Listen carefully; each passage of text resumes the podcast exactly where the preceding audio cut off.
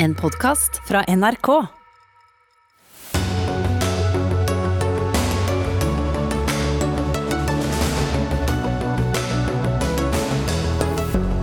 Norwegian får penger av staten, hvorfor får ikke SAS det samme? Norge henger etter andre land når det gjelder vaksinering mot koronaviruset. Det skyldes byråkrati og inkompetanse, tror professor. Bibliotekarer takker nei til Harry Potter-arrangementer fordi forfatteren støter transpersoner. Sånn bør det ikke være, sier Trine Skei Grande, som insisterer på at kunsten må få stå på egne ben. Og hvorfor skal private firmaer kartlegge naturen eh, i forkant av byggeprosjekter? Båndet mellom dem og utbyggerne må brytes, mener professor. Vel møtt til Dagsnytt 18 denne torsdagen, hvor vi også skal høre at Afghanistan kan bli en hodepine for eh, Joe Biden. I hvert fall ifølge tidligere FN-utsending Kai Eide, som har diskutert saken med den nye presidenten en rekke ganger. Mitt navn er Sigrid Solund. I november ble det avslag. Eh, nå er tonen en annen, for flyselskapet Norwegian har gjort om på planer og strategier og gjeld, og nå vil regjeringa likevel komme med penger. Men hvor mye og hvorfor og hvordan, Cecilie Langen Becker, økonomikommentator i NRK? Ja, Nå eh, legger regjeringen opp til at de skal gå inn med 1,5 milliarder kroner i det vi kaller for et hybridlån. Det høres kanskje litt vanskelig ut, men det er, de låner penger til selskapet som de etter to år kan veksle om til aksjer i selskapet, og så kan de selge disse aksjene. Eller de kan selge hele denne, hele denne posten underveis. Men det er da under forutsetning av at Norwegian klarer å skaffe 3 milliarder kroner på egen hånd hos andre private investorer. Og gjør de det, tror du?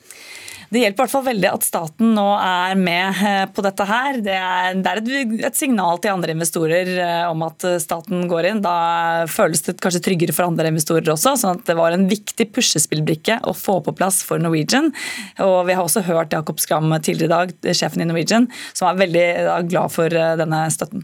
Hvilke grep var det Norwegian tok som gjorde regjeringa litt mer lysten på å spytte inn offentlige midler? Altså for det første så var det dette med gjelden. Iselin Nybø sa før jul eller i november at gjelden i Norwegian var altfor høy til at de kunne støtte dem, men nå har de lagt frem eh, en plan hvor de planlegger å kutte gjelden fra over 60 milliarder kroner til 20 milliarder kroner gjennom nå forhandlinger med kreditorene gjennom denne konkursbeskyttelsen.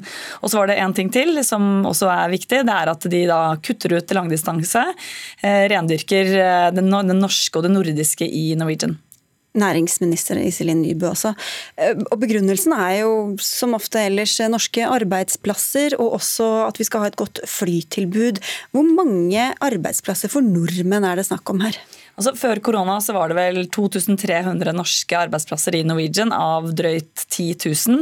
Hvor mange arbeidsplasser som står igjen etter denne restruktureringen er jo veldig vanskelig å si. Eh, men man kan vel i hvert fall trygt anta at det er mindre enn 2300 norske arbeidsplasser. Så ganske mye penger per arbeidsplass, da. Ja, Det kan man kanskje si. Norwegian hadde ikke tid til å være med hos oss i dag, sa de, men Frode Steen, professor ved Norges handelshøyskole, ekspert på luftfartsøkonomi. Norwegian skal få, men eh, ikke konkurrentene. Hvordan ser du på det?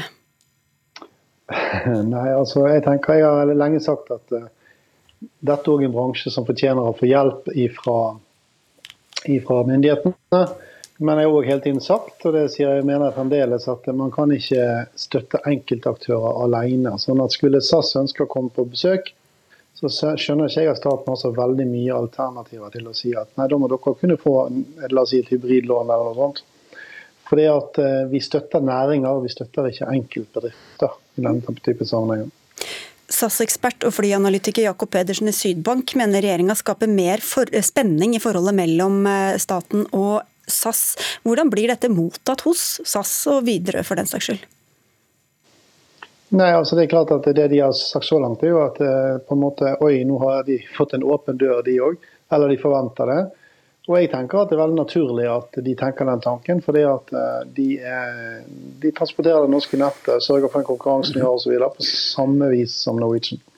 Lars Andreas Lunde, statssekretær i Næringsdepartementet. Hva legger dere opp til? Er det bare Norwegian som skal få, eller skal alle få?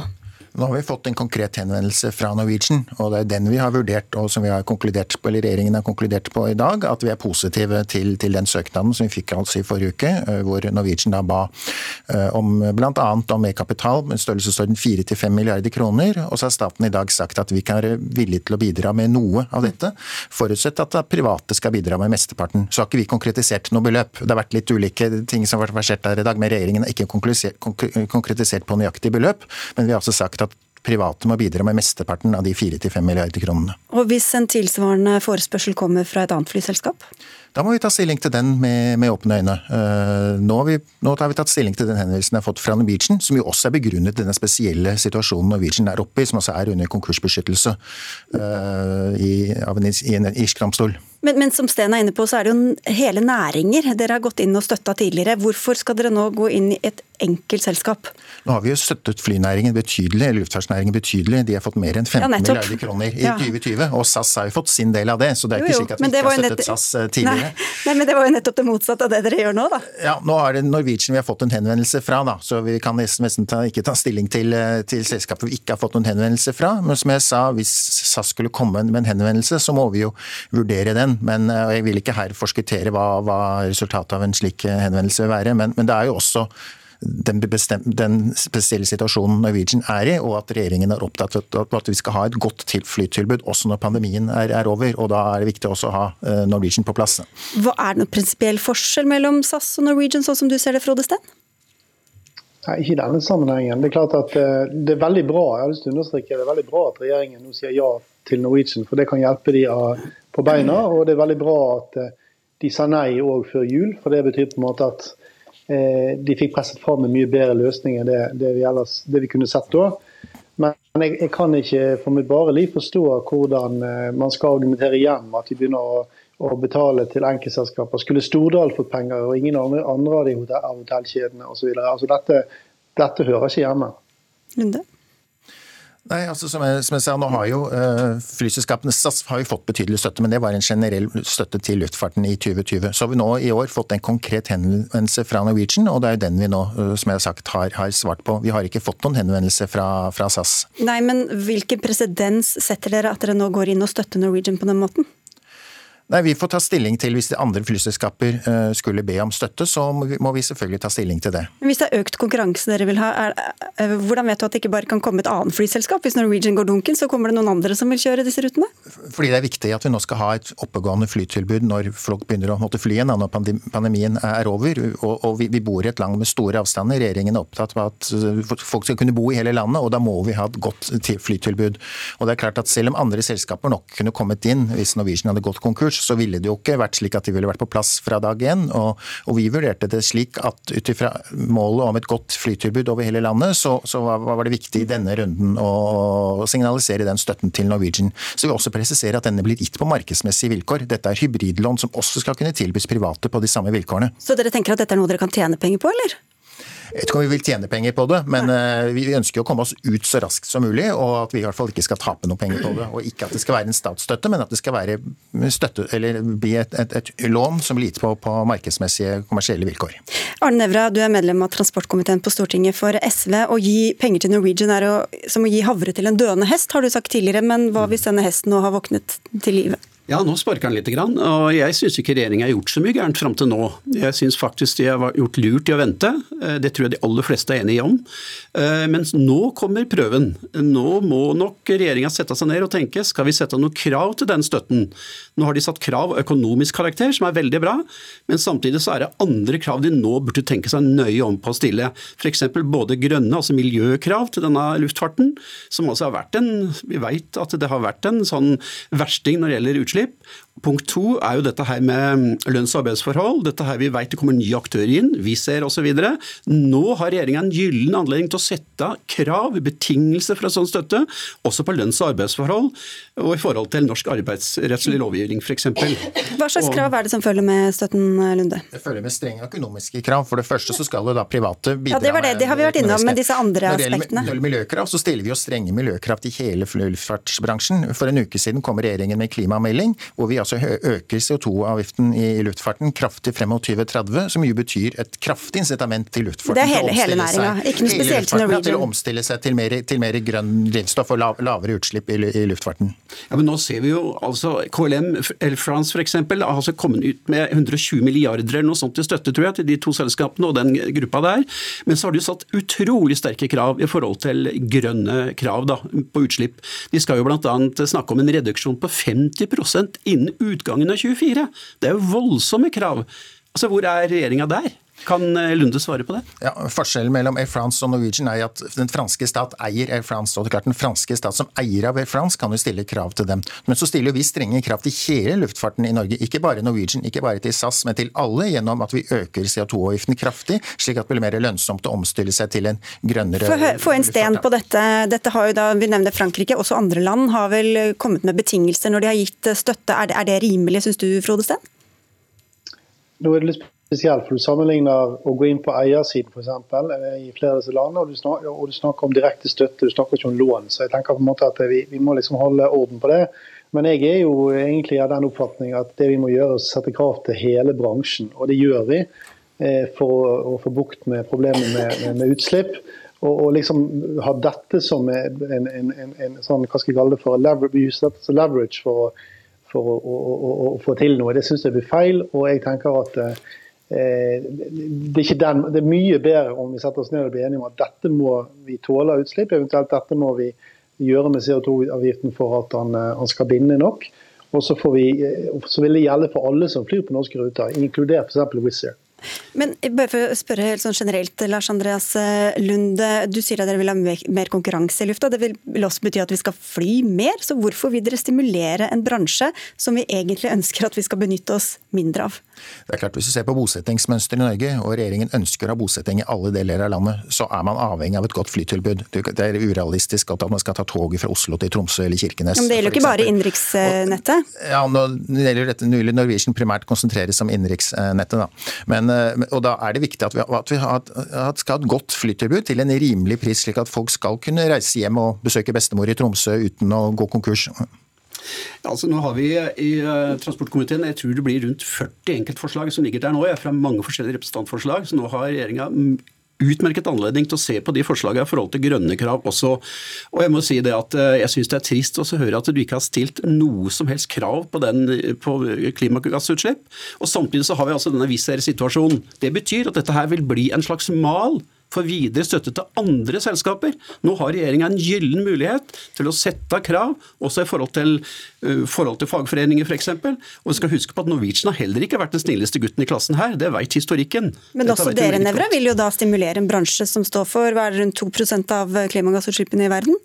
Vil vi stimulere den? Vi vil jo det når dere vil gå inn i og redde Vi vil sette krav, sterke krav. Og husk på én ting, vi ønsker også at de skulle vurdert eierskap på en helt annen måte. Vi ønska at de skulle inn i eierskapet i luftfarten, og jeg skulle ønske at de vurderte det også. For da hadde vi altså, med en aktiv stat og en aktiv eier, så kunne man ha fått styringa i retning av grønn sektor. Og også sett på i forhold til at vi har en seriøs uh, bransje på luftfarten. Og bare, rett etter, bare et par år etter at de solgte ut av SAS, så er vel det veldig lite sannsynlig at uh, regjeringa ønsker det. Men helt på tampen her, uh, Cecilie Langenbecker, Oslo, på, på, Oslo Børs så steg altså aksjen med over 13% Norwegian-aksjen. Kan man si Samtidig som de sier at eh, dette skal øke konkurransen, at det også kan virke konkurransevridende å gå inn i et selskap? Ja, det er klart at Hvis eh, Norwegian kommer seg ut av dette på eh, andre siden med en kraftig redusert gjeld og med et mye lavere kostnadsnivå enn SAS, så vil jo det bli en veldig farlig konkurrent for SAS i det norske luftrommet når vi kan begynne å fly som normalt igjen. Det blir nok mange runder om dette etter hvert. Vi får si takk til dere i denne omgang, Cecilie Langebekker fra NRK, Frode Steen, professor ved Norges handelshøyskole, Lars Andreas Lunde, statssekretær, og Arne Nævra fra SV.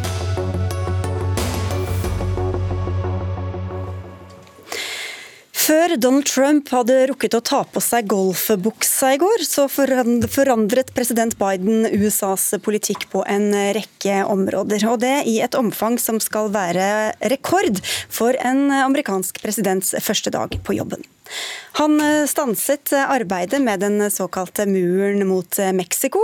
Han satte i gang flere koronatiltak, og meldte USA inn igjen i Parisavtalen og WHO bl.a. Nå skal vi ikke følge Biden tett minutt for minutt gjennom fire år her i Dagsnytt 18, men USA-korrespondent Anders Magnus, holder han tempoet oppe i dag? Ja da, han, han, undertegnet 17 presidentordre i går, og skal undertegne ti nye i dag. Eh, først og fremst om korona.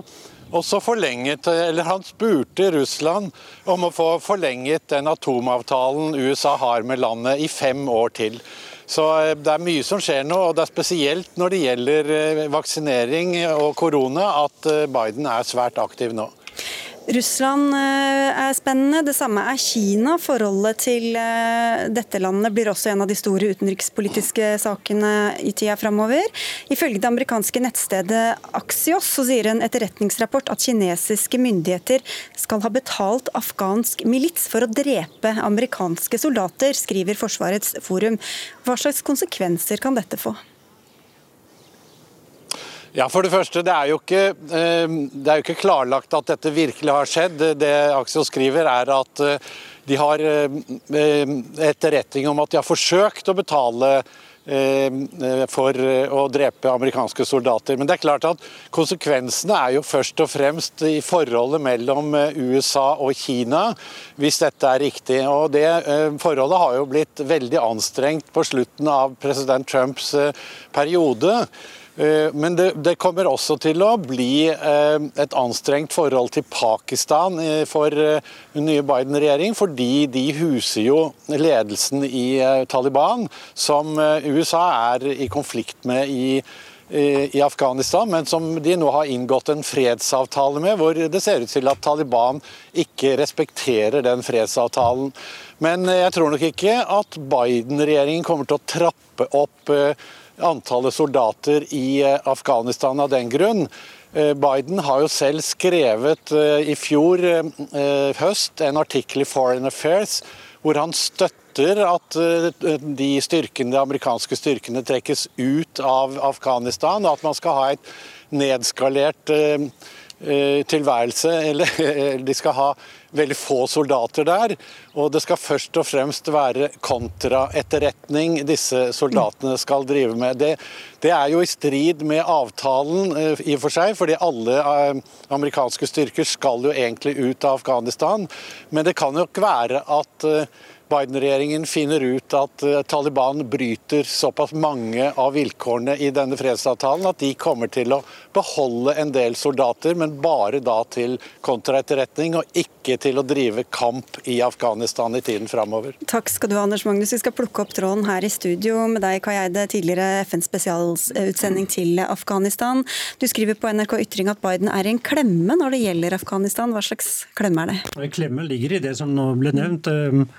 Han kan velge å fortsette uttrekkingen. Og Det tror jeg vil være, sette et land i en veldig vanskelig situasjon, med Taliban på offensiven og en forvirret regjering. Eller han kan uh, reversere det hele. Og Resultatet av det, uh, å beholde det nåværende styrkenivå, eller enda verre å øke det, vil bety tror jeg, at Taliban forlater forhandlingsbordet.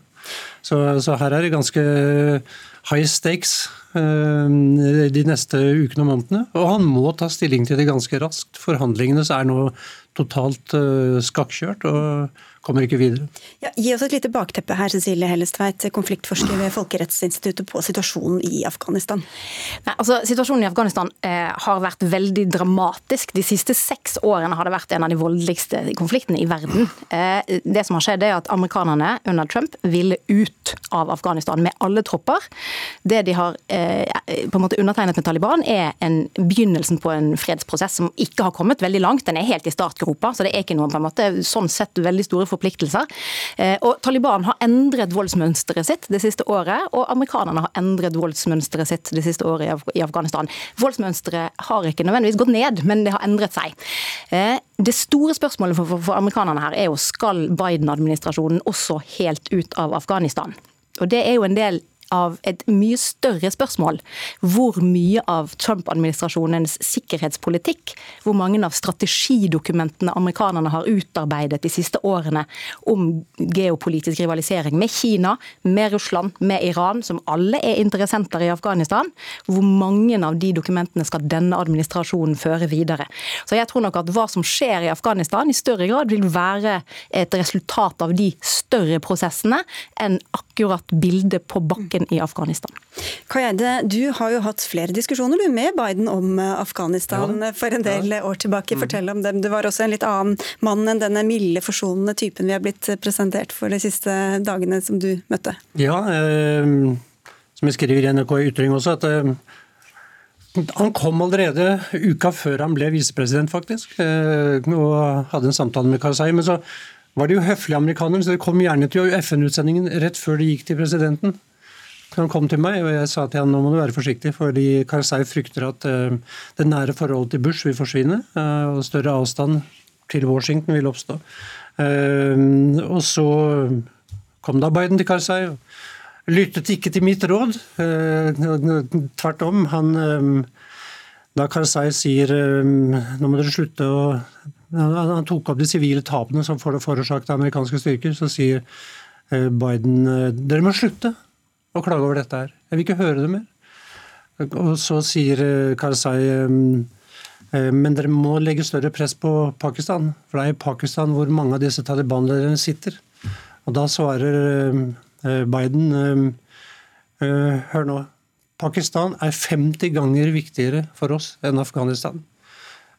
Taliban er deres problem, Al Qaida er vårt problem. Og Det er klart det skaper et veldig dårlig utgangspunkt for eh, forholdet mellom Obama-administrasjonen og Karzai videre. Han fikk aldri noen tillit til dem, egentlig, og eh, led under det helt til slutten av sin periode.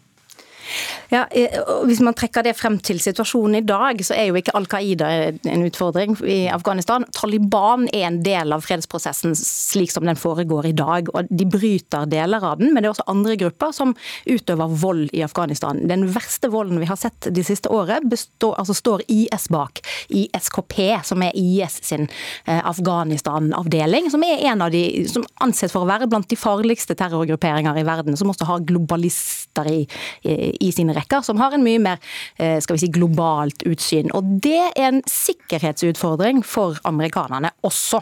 Eh, det er ikke bare for amerikanerne, det er også en sikkerhetsutfordring for kineserne og for russerne osv. Men, men, men det er ikke slik at bare en avtale med Taliban dras i havn, så, så, så klarer nødvendigvis afghanerne å holde ro i eget hus. Så Det gjør jo at dilemmaet til Biden-administrasjonen er ganske stort. Det har jo eh, pågått forhandlinger da i Qatars hovedstad Doha med, mellom Taliban og den afghanske regjeringen i store deler av fjoråret, Kayeide, hvor du også har vært i kontakt med disse eh, mm. forhandlingsdelegasjonene. Hva er det de forhandler om? Vel, eh, De har forhandlet om modalitetene for forhandlingene til nå. Det tok jo veldig lang tid. Nå har de begynt Modalitetene? Altså, hvordan skal det organiseres? Hvordan skal forhandlingene organiseres? Hva skal ligge til grunn for dem? Eh, det tok lang tid. Eh, det ser ut til at de har fått oppnådd enighet om det. Nå har de begynt å diskutere substansen nå for noen dager siden. Eh, men det må jeg si, de er ikke kommet langt, om, om noe sted hen i hele tatt. Jeg har begynt å lure mer og mer, og det tror jeg mange andre vestlige observatører med meg. Er det ting her som hvor kompromisset rett og slett ikke er, ikke er mulig? Altså, hvor vi vil støte mot situasjoner hvor du må velge det ene eller det andre. Det ene er uakseptabelt for den andre parten.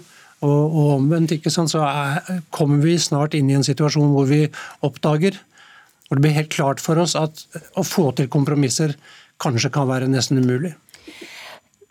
Jeg tenker Under Trump-administrasjonen så har eh, litt av rammene vært at dette skal afghanerne få ordne opp seg imellom, uten at de utenforstående skal sette sine røde streker.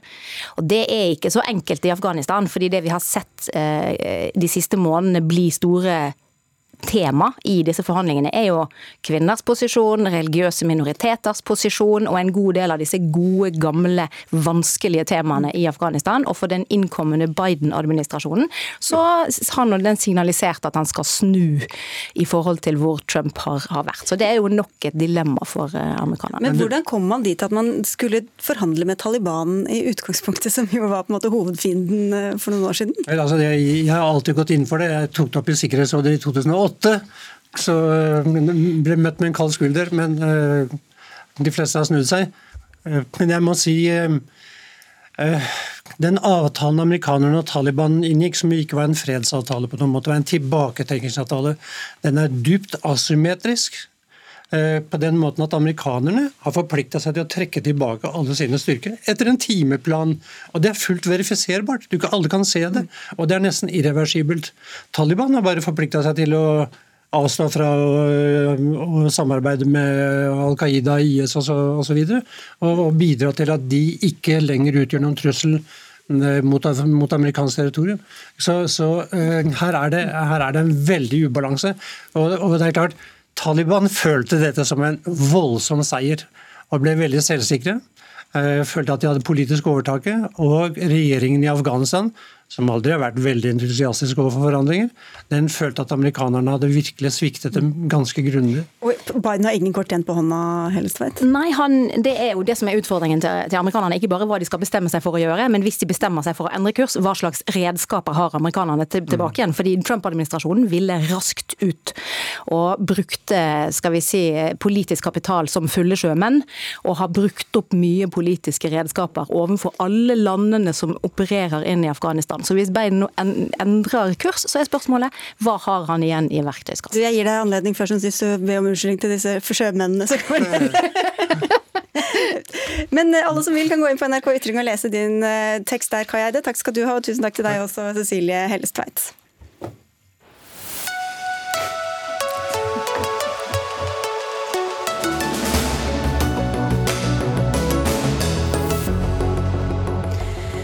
Mange bibliotekfilialer landet rundt pleier å invitere til Harry Potter-dager hver vinter. Men de to siste ukene har diskusjonen gått.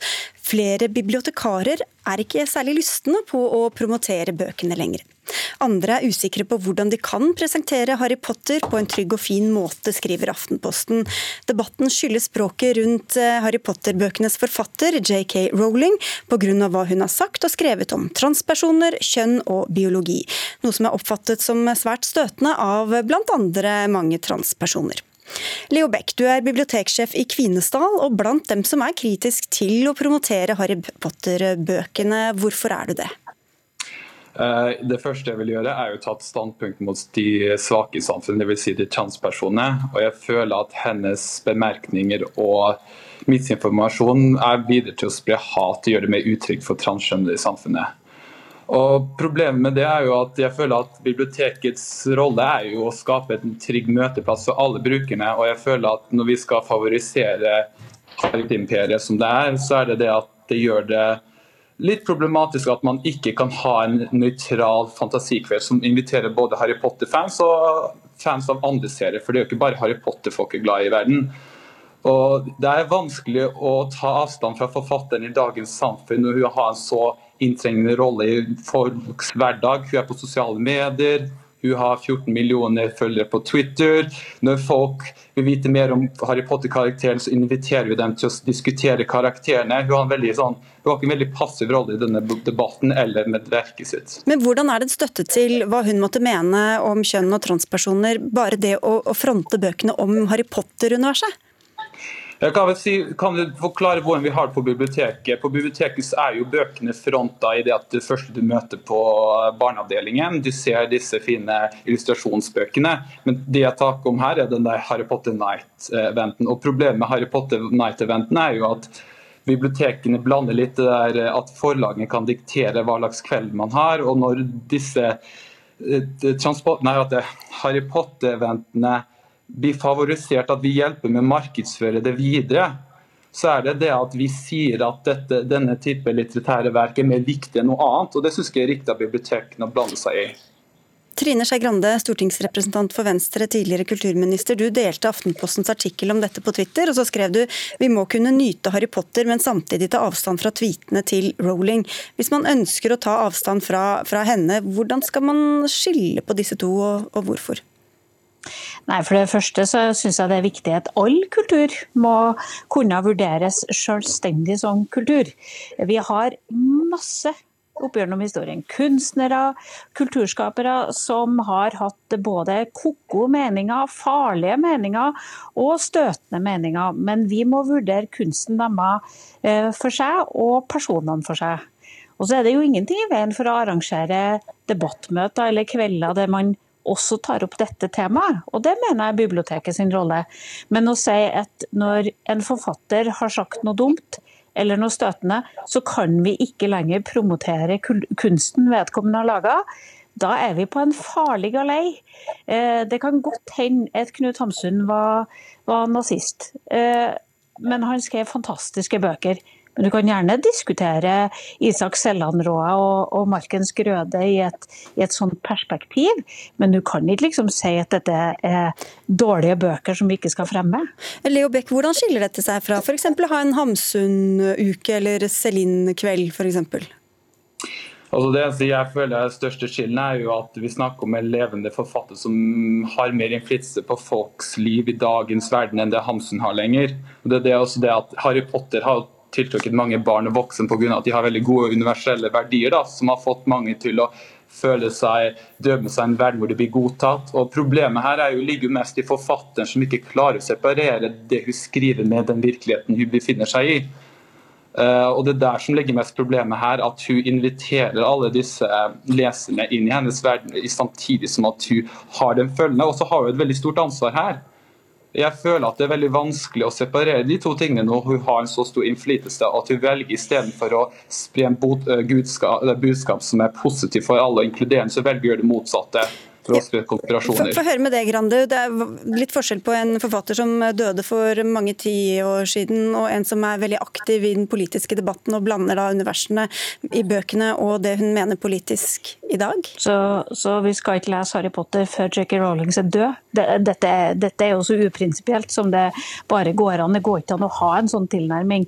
Bibliotekene er betalt av det offentlige for å ivareta ytringsrommet i Norge. De, det er en arena som vi bruker penger på for at ytringsfriheten skal fremmes. jo, men De fjerner jo ikke bøkene, de bare vil ikke ha nødvendigvis egne temakvelder. Eh, om Nei, men, en forfatter eller om, en, om et bokunivers? Ja, men det er argumentasjonsrekken her som man, man legger fram. Og så må, må vi huske på at vi lever i en tid der vi har en helt annen innsyn i hele bredden av de menneskene som er kjent. Jeg har i dag tenkt hva hadde Sigrid Undset vært med en Twitter-konto? Jeg er helt sikker på at det har vært krise. Hun hadde sikkert sagt noe skikkelig teit. Vi har en innsyn i veldig mange meninger av folk som heller ikke er relevant i forhold til kunsten de skaper. Så la oss nå vurdere bøkene for seg og forfatterne for seg. La biblioteket være en arena for å diskutere hvor er rommet for hva vi blir krenka av, og hva er rommet som skaper de inkluderende samfunnene, men ikke gjør det ved å ikke promotere kunsten til kunstnere vi ikke liker. Ja, og Leo Beck, Bibliotekarforbundet, som du kanskje er medlem i, sier jo også at tilbudet til låntakerne ikke skal styres av om eh, noen oppfattes som støtende. Så hvorfor gjør dere akkurat det da? Altså, jeg vil jo si at jeg uenig med hennes oppfatning av hvordan biblioteket er. Det ikke, sier ikke at man ikke skal lese bøkene, at ingen kan velge bøkene. Altså, biblioteket er jo som sagt for folket og folkeoppløsning. og Hvis det, er, ikke, hvis det ikke er respektable bøker, så gjør vi ikke noe med det. Det er opp til hvem som har lyst til å lese det. Der. Så jeg vil ikke sagt at det her har noe, noe sagt, effekt på J.K. Rowling i hele tatt. Det er bare det at jeg vil ikke ha en ekstra kveld for J.K. Rowling. og Det er ikke noe som sensurerer. fordi La oss si er Game of Thrones. Det er ingen som har Game of Thrones-event på biblioteket, men det er veldig mange som er glad i det. det men, men, hvor altså- går den grensa? Hva er, hva er, det, en forfatter må mene eller skrive noe om som gjør at, at du tenker at nei, dette blir for, for altså, hard kost? Grensa her, grensa her går utover at hun faktisk setter transpersoner i fare med sine ytringer. Dette er jo noe som mange får oppleve også med hverdagsrasisme. Det, dessverre så er det ikke at det angår oss alle, fordi vi, vi, vi er ikke i den situasjonen. Også, selv jeg er veldig privilegert.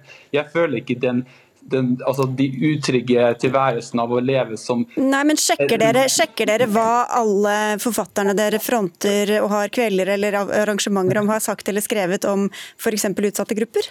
Nei, det gjør vi ikke. Men eh, som sagt, hvis noen på biblioteket ber om en Harry Potter, så skal ikke gå i motarbeide det. det. De får lov til å styre med det, men det er bare at på et lite bibliotek hvor jeg jobber, så er det ikke noen som har spurt om det. Og jeg føler at det er mer bedre å ha en fantasikveld som inkluderer alle. Jeg føler mm. mer at en Harry Potter-kveld er mer ekskluderende enn inkluderende. Og Det er ikke bare noe med, det er ikke noe, bare noe med forfatteren, dette har bare noe med at man åpner litt. Også det med Harry Potter at det er ikke så veldig dagsaktuelt som, de, som det har vært tidligere. Grande? Ja, det er en litt håpløs uh, uprinsipiell eh, holdning til dette. som jeg, jeg syns at norske bibliotek bør ha en veldig klar oppgang på hva det er som er greit og ikke greit. Harry Potter har vært et fantastisk eh, område som har gjort at masse barn har både lært seg å like bøker, lært seg å lese og lært seg å drømme seg bort på, som de aldri har kommet til å fått hvis ikke disse bøkene er skapt. Eh, og så er det jo sånn masse forfattere og kunstskapere og musikk og altså Det er bare å gå gjennom historien det å se. Du kan bare google ja, vi elsker Putti Pluttipott til jul og masse sette opp det på scenen. Og så kan du lese at Per Asplin tok avstand fra sin datter når hun forteller at hun var lesbisk. Det syns jeg er ganske støtende. Jeg syns ikke det er noe særlig hyggelig. Men jeg elsker jo Putti Pluttipott likevel. okay. Så altså, det må jo gå an å vurdere kunsten for seg og kunstneren for seg. Da er vi tilbake til utgangspunktet. Ting, men, okay. men, det går ikke an å drive den type sensur. Det er altså noen bibliotekarer dette gjelder. Mange biblioteker holder arrangementene som planlagt. Takk skal dere ha begge to. Leo Beck, biblioteksjef i Kvinesdal i Agder, og tidligere kulturminister og venstrepolitiker Trine Skei Grande.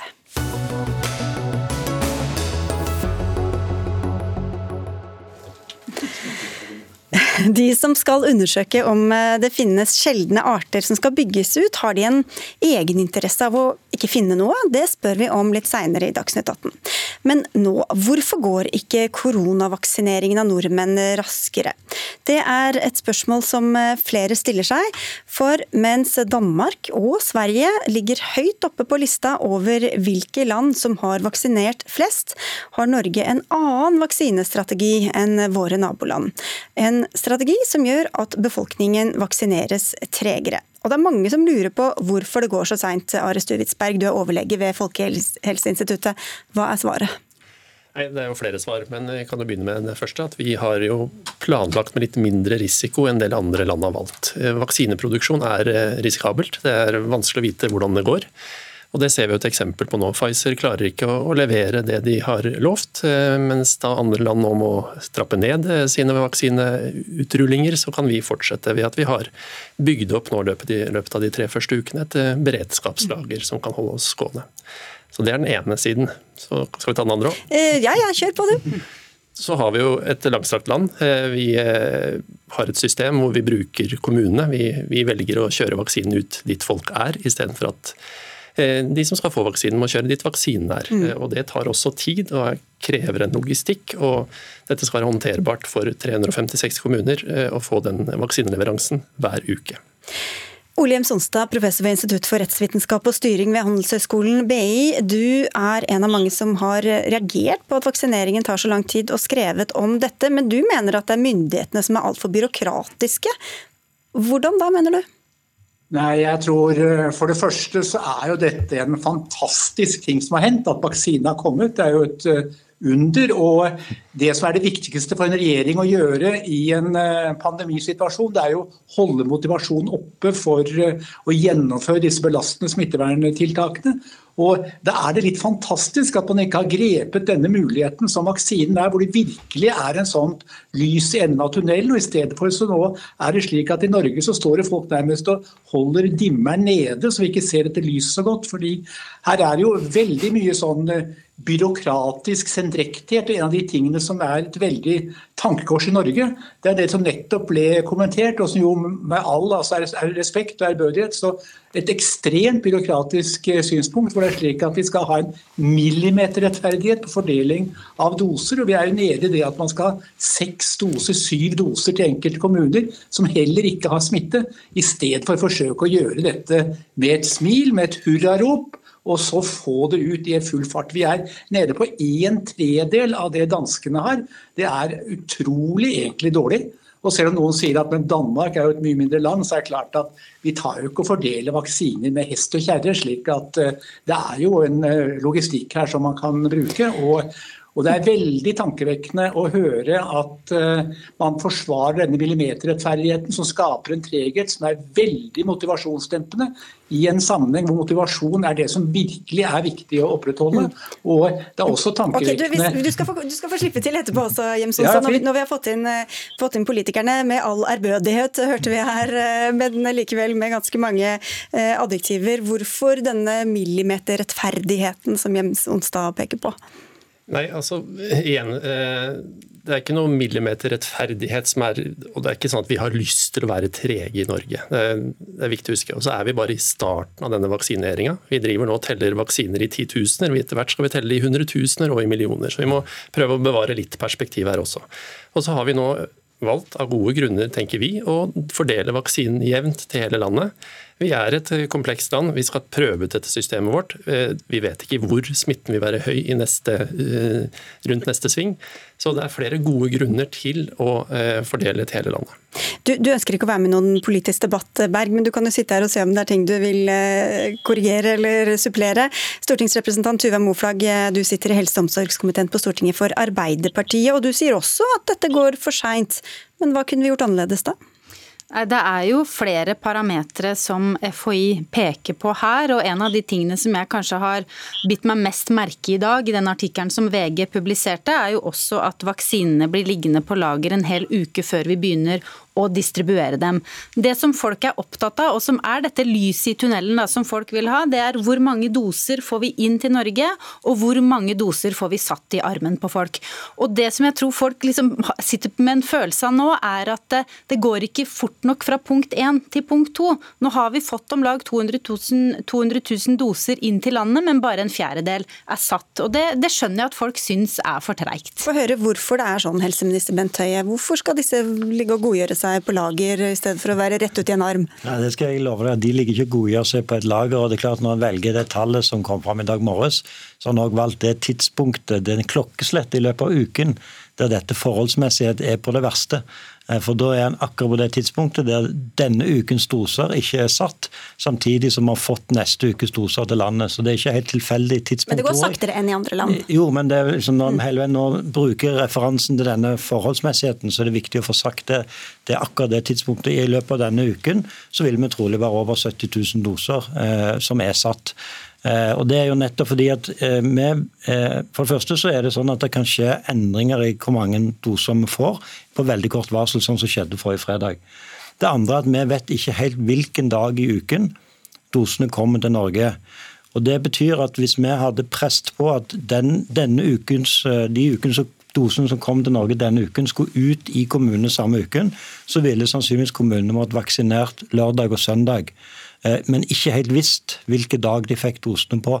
Det hadde skapt ekstra usikkerhet og risiko i en operasjon som fra før av er ganske risikofylt. Så det, dette er ikke noe hurraoperasjon, som professoren her brukte som begrep. Dette skal gjøres raskt, men det skal òg gjøres trygt. Ja, hvorfor eh, Jemsonstad, tror du at en professor i skatterett vet bedre enn helsemyndighetene hvordan dette bør skje? Nei, Dette er ikke spesielt fordi jeg driver med skatterett, dette er mer som sånn eh, samfunnsborger. Men det er jo en betydelig uro etter å ha deltatt i samfunnsdebatt over noen år, at man ikke her forstår at dette med motivasjon er veldig viktig. og Dette er et nordisk mesterskap som eh, man ikke kommer utenom. At tallene er nådesløse. altså sånn Høie sier nå at vi liksom går ikke så dårlig, og sånt, men altså vi ligger allerede på en tredjedel av det Danmark gjør. Når vi kommer opp i kanskje 70 000, kommer Danmark sannsynligvis til over 200 000. Dette er tall som folk merker seg. og En av de feilene som man har gjort her, det er jo det at man ikke prioriterte helsepersonell. fordi i denne vurderingen at man skulle ta de veldig sårbare først, og bare de veldig sårbare først, så glemte man jo, eller ble borte, at hadde du tatt helsepersonell først, så hadde jo dette virkelig gått unna, og det ville skapt en veldig god stemning. Hvis dette er et eh, mesterskap i Norden som ikke er helt enig i beskrivelsen av, men da er det gjerne lett å bruke femmila som et eksempel. Og Det er ikke sånn at vi kårer vinneren av femmila etter den første kilometeren. Og Det som jeg tror at mange andre land i Europa nå er, er, ser til Norge og tenker at de hadde ønsket at de var i Norges situasjon. For nå er en del land i Europa i den situasjonen at de ikke har vaksinene på tidspunktet til dose to, og de må trappe kraftig ned vaksinasjonen av dose én, rett og slett på de produksjonsutfordringene som nå har starta. Mens Norge kan kontinuerlig holde tempoet. Jeg tror det er den som holder jevnt høyt tempo i femmila, som vinner, ikke den som starter hardt ut i begynnelsen Men få høre med deg, Tuva Moflag, fordi Det er to elementer som trekkes fram her. Det ene er jo da, som Høie er inne på nå, at man skal ha begge dosene for å være sikre på. fordi at Hvis det går for lang tid, ettersom hva jeg har forstått fra Folkehelseinstituttet, så blir man ikke helt trygg hvis det går for mange uker mellom dosene. Og Det andre er jo det Jems Onstad også peker på, at her skal det ut fem doser til den ene kommunen og åtte til den andre. Er disse to strategiene noe du mener burde vært annerledes? Jeg mener i hvert fall at det er noe som helseministeren bør se på. Tror du ikke han har sett på det?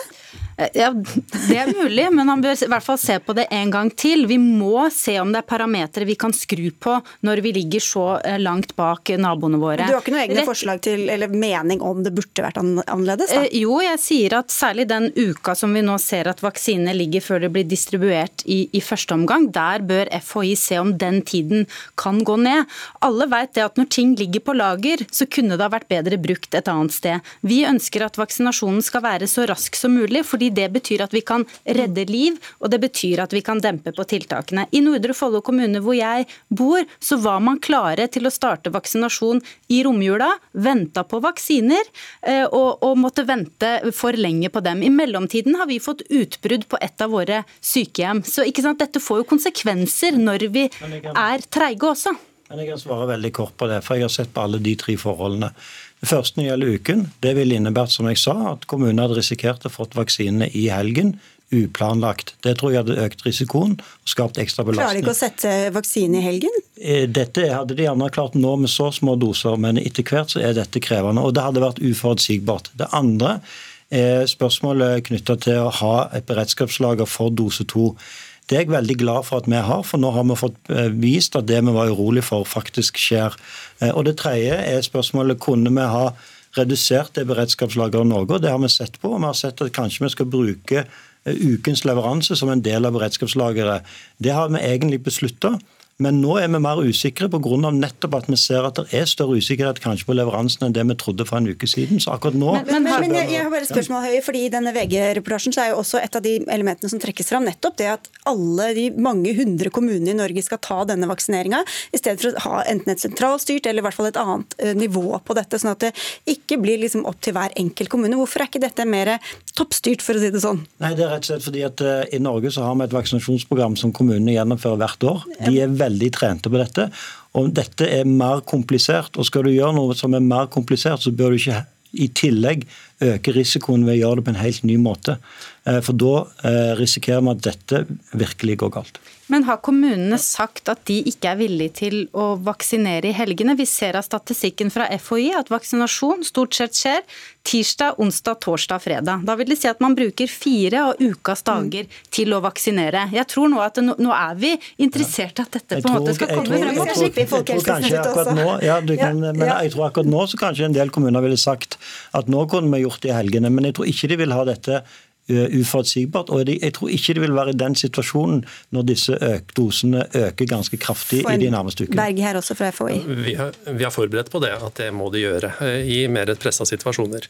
Men igjen, som helseministeren sier,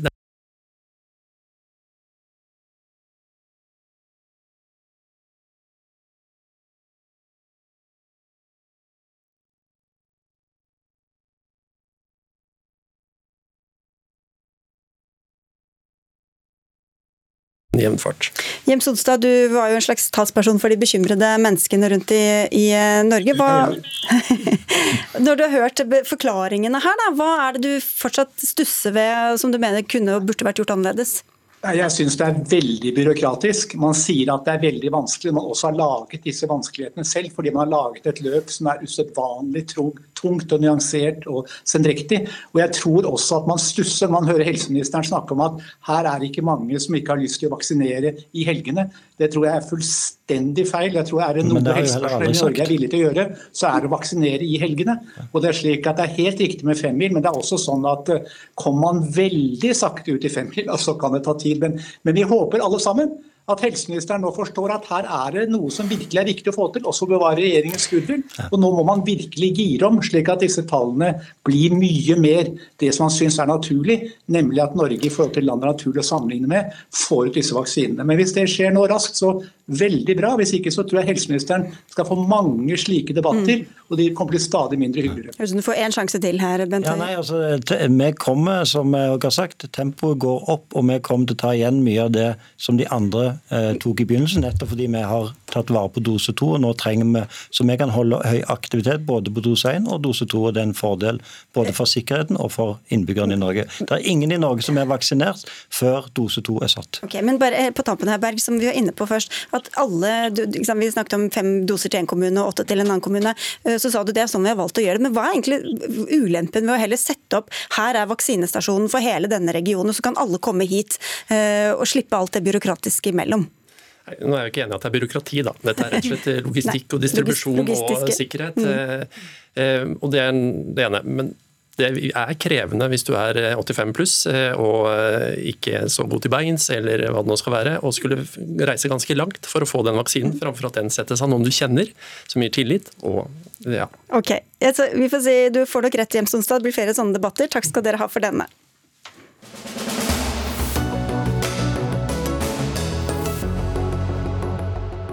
Funn av sjeldne dyrearter blir ikke alltid tatt like godt imot. Når et rekkehus, en vindmøll eller en ny vei skal bygges ut, må utbyggerne undersøke hvilke konsekvenser planene deres har for natur, for dyr, for insekter, og om det finnes sjeldne arter der.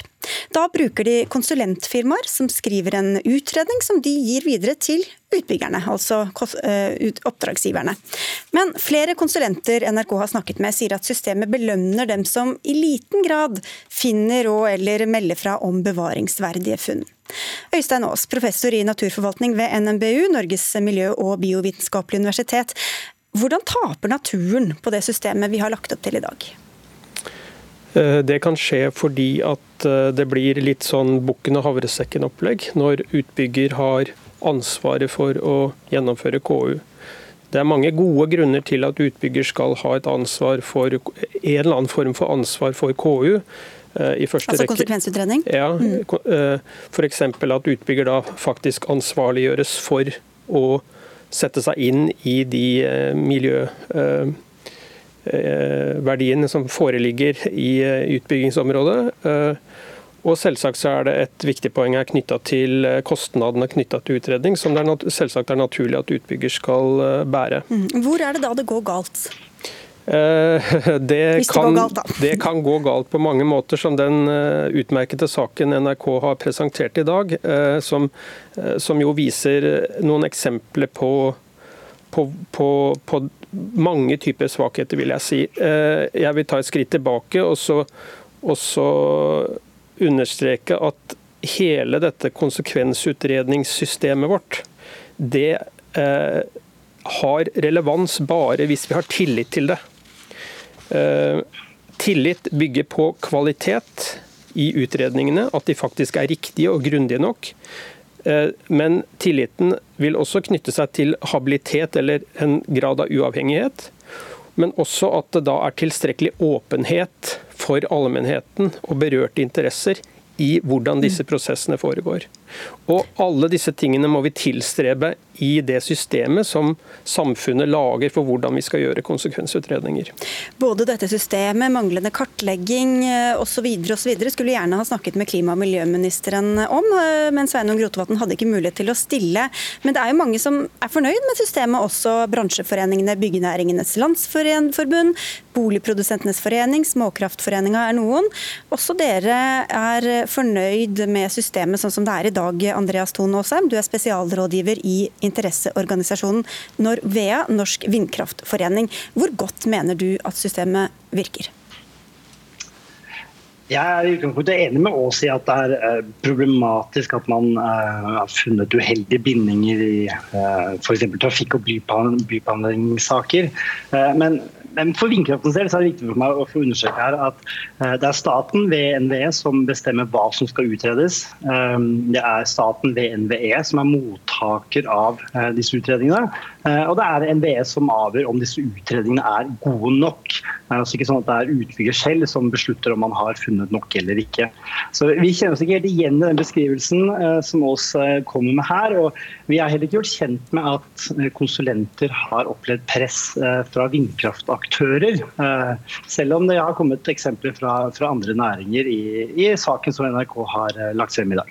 Men hvor populært tror du det er å komme med en rapport som viser at her er det en sjelden art som gjør at man enten må skrinlegge eller gjøre om på hele prosjektet? Det er jo det som er jobben til disse høyt kompetente, godt utdannede menneskene. Uh, de, vi, kan ikke bygge vindkraftprosjekter hvor vi ikke har utredet godt nok. og Det er viktig å understreke at både utredningsprogrammet, altså hva som skal utredes, og selve utredningen, de er gjenstand for offentlige høringsprosesser. så det er ikke sånn at vi forsøker å gjemme unna. Eh, snarere tvert imot. Vi som bransje er helt avhengig av at vi eh, avdekker det som er av sjeldne naturtyper der vi skal bygge vindkraftverk. Ja, det er jo helt riktig det som blir sagt her. Eh, mitt poeng er at hvis vi skal hvis vi skal flere, flere saker den siste tida nå avdekke på, på mange vis at det er flere svakheter i dette systemet, Eh, det er myndighetene sitt ansvar å vurdere og endre på det. Eh, vi kan, hvis vi skal gå litt nærmere inn i disse prosessene for, for å prøve å, å, diskutere hva som eventuelt kan endres på, så, så nevnte min motdebattant eller meddebattant her at, eh, at myndighetene inne i bildet og bestemme hva som skal utredes. Det er helt riktig. Eh, og det er myndighetene som, eh, som, godkjenner om eh, utredningene er gode nok, og som tar beslutning. Det som jeg vil peke på, da, det er at selve denne konsekvensutredningsprosessen blir en veldig lukket prosess, hvor i første rekke utbygger og de innleide konsulentene jobber med å utvikle KU-en uten særlig innsyn verken fra myndighetene eller fra berørte parter. Så går konsekvensutredningen på høring, og da kan alle uttale seg. Eh, og Så går den videre til den myndigheten som da fatter beslutning i den, den, den saken det gjelder. Men det, det, den selve beslutningsprosessen eh, hos myndighetene, f.eks. i NVE når det gjelder vindkraft, det er også etter mitt syn en veldig lukket prosess. Eh, begge disse to hovedtrinnene i, i prosessen her uh, finnes det veldig mange måter som vi kan åpne opp på. Mm. For å høre med deg, også, for Da peker jo mye tilbake til disse konsekvensutredningene. I NRKs eh, artikkel så er det også mange konsulenter som beskriver at de har opplevd at uh, oppdragene uteble fordi de fant for mye, eller ble gitt til andre som bruker mindre tid, som rapporterer om, om færre funn. Hvorfor ikke heller ha en nøytral instans som dette mellomleddet, i stedet for at man kan shoppe mellom private aktører? Jo, det er jo også da en mer prinsipiell Jeg skal høre med Åsheim om hva han svarer for det, for det er vel noe av det du har foreslått. Eh, nå har jeg ikke noe utbygget behov for å svare på vegne av andre bransjer. Eh, men eh, det er mye av det Aas tar opp her som er, som er gode poenger. Eh, og, men jeg må igjen få understreke at det er altså en nøytral part som beslutter hva det er vi skal utrede. Altså vi i litt overført betydning her. Eh, og Fylkesmannen Eh, Miljødirektoratet, kommunen, andre berørte parter er inne eh, i forkant av og underveis i disse utredningene. Det er altså ikke slik at dette gjøres i et lukket rom. Eh, jeg har vært igjennom ganske mange konsesjonsprosesser, og det er ikke en lukket prosess. Altså. Det er mange som har mye meninger om vindkraftutredninger og konsesjonsspørsmål over lang tid, for å si det sånn. Øystein Aas. Uh, jo, Når det gjelder eh, det med å etablere et eh, system som er mer uavhengig, så, så, mener jeg også at her må vi se litt på hvordan andre land f.eks. har valgt å organisere arbeid med konsekvensutredninger, og også hvordan vi har gjort dette i Norge tidligere. Knytta til vannkraftutbygginger i Norge, så, så var det jo f.eks. myndighetene som, som sto for konsekvensutredningene. Eh, I Sverige så har de laget et miljødomstolsystem som er uavhengig eh, av, også av sektormyndighetene. Det er, et, det er jo noe annet som en bør kunne diskutere med den norske ordningen. At det er sektormyndigheten og ikke f.eks. Klima- og miljødepartementet eller Kommunal- og moderniseringsdepartementet, som har ansvar for plan- og bygningsloven nå, eh, som, som fatter beslutning. Så, så det handler også om ulik grad av avhengighet og uavhengighet i de forskjellige sektorene, eh, myndighetsorganene som er involvert i dette. Dette skulle vi jo gjerne ha spilt inn til klima- og miljøministeren, men det får bli en eh, annen dag. Alle kan gå inn på nrk.no og lese mer om eh, dette saksfeltet. Takk skal dere ha, Andreas Thon Aasheim i Norvea og Øystein Aas, professor ved NBNU. Et eller annet sånt. Ja. Dag Dørum, den eminente Stein Nybakk og jeg, Sigrid Solund, takker for følget og ønsker en riktig fin kveld.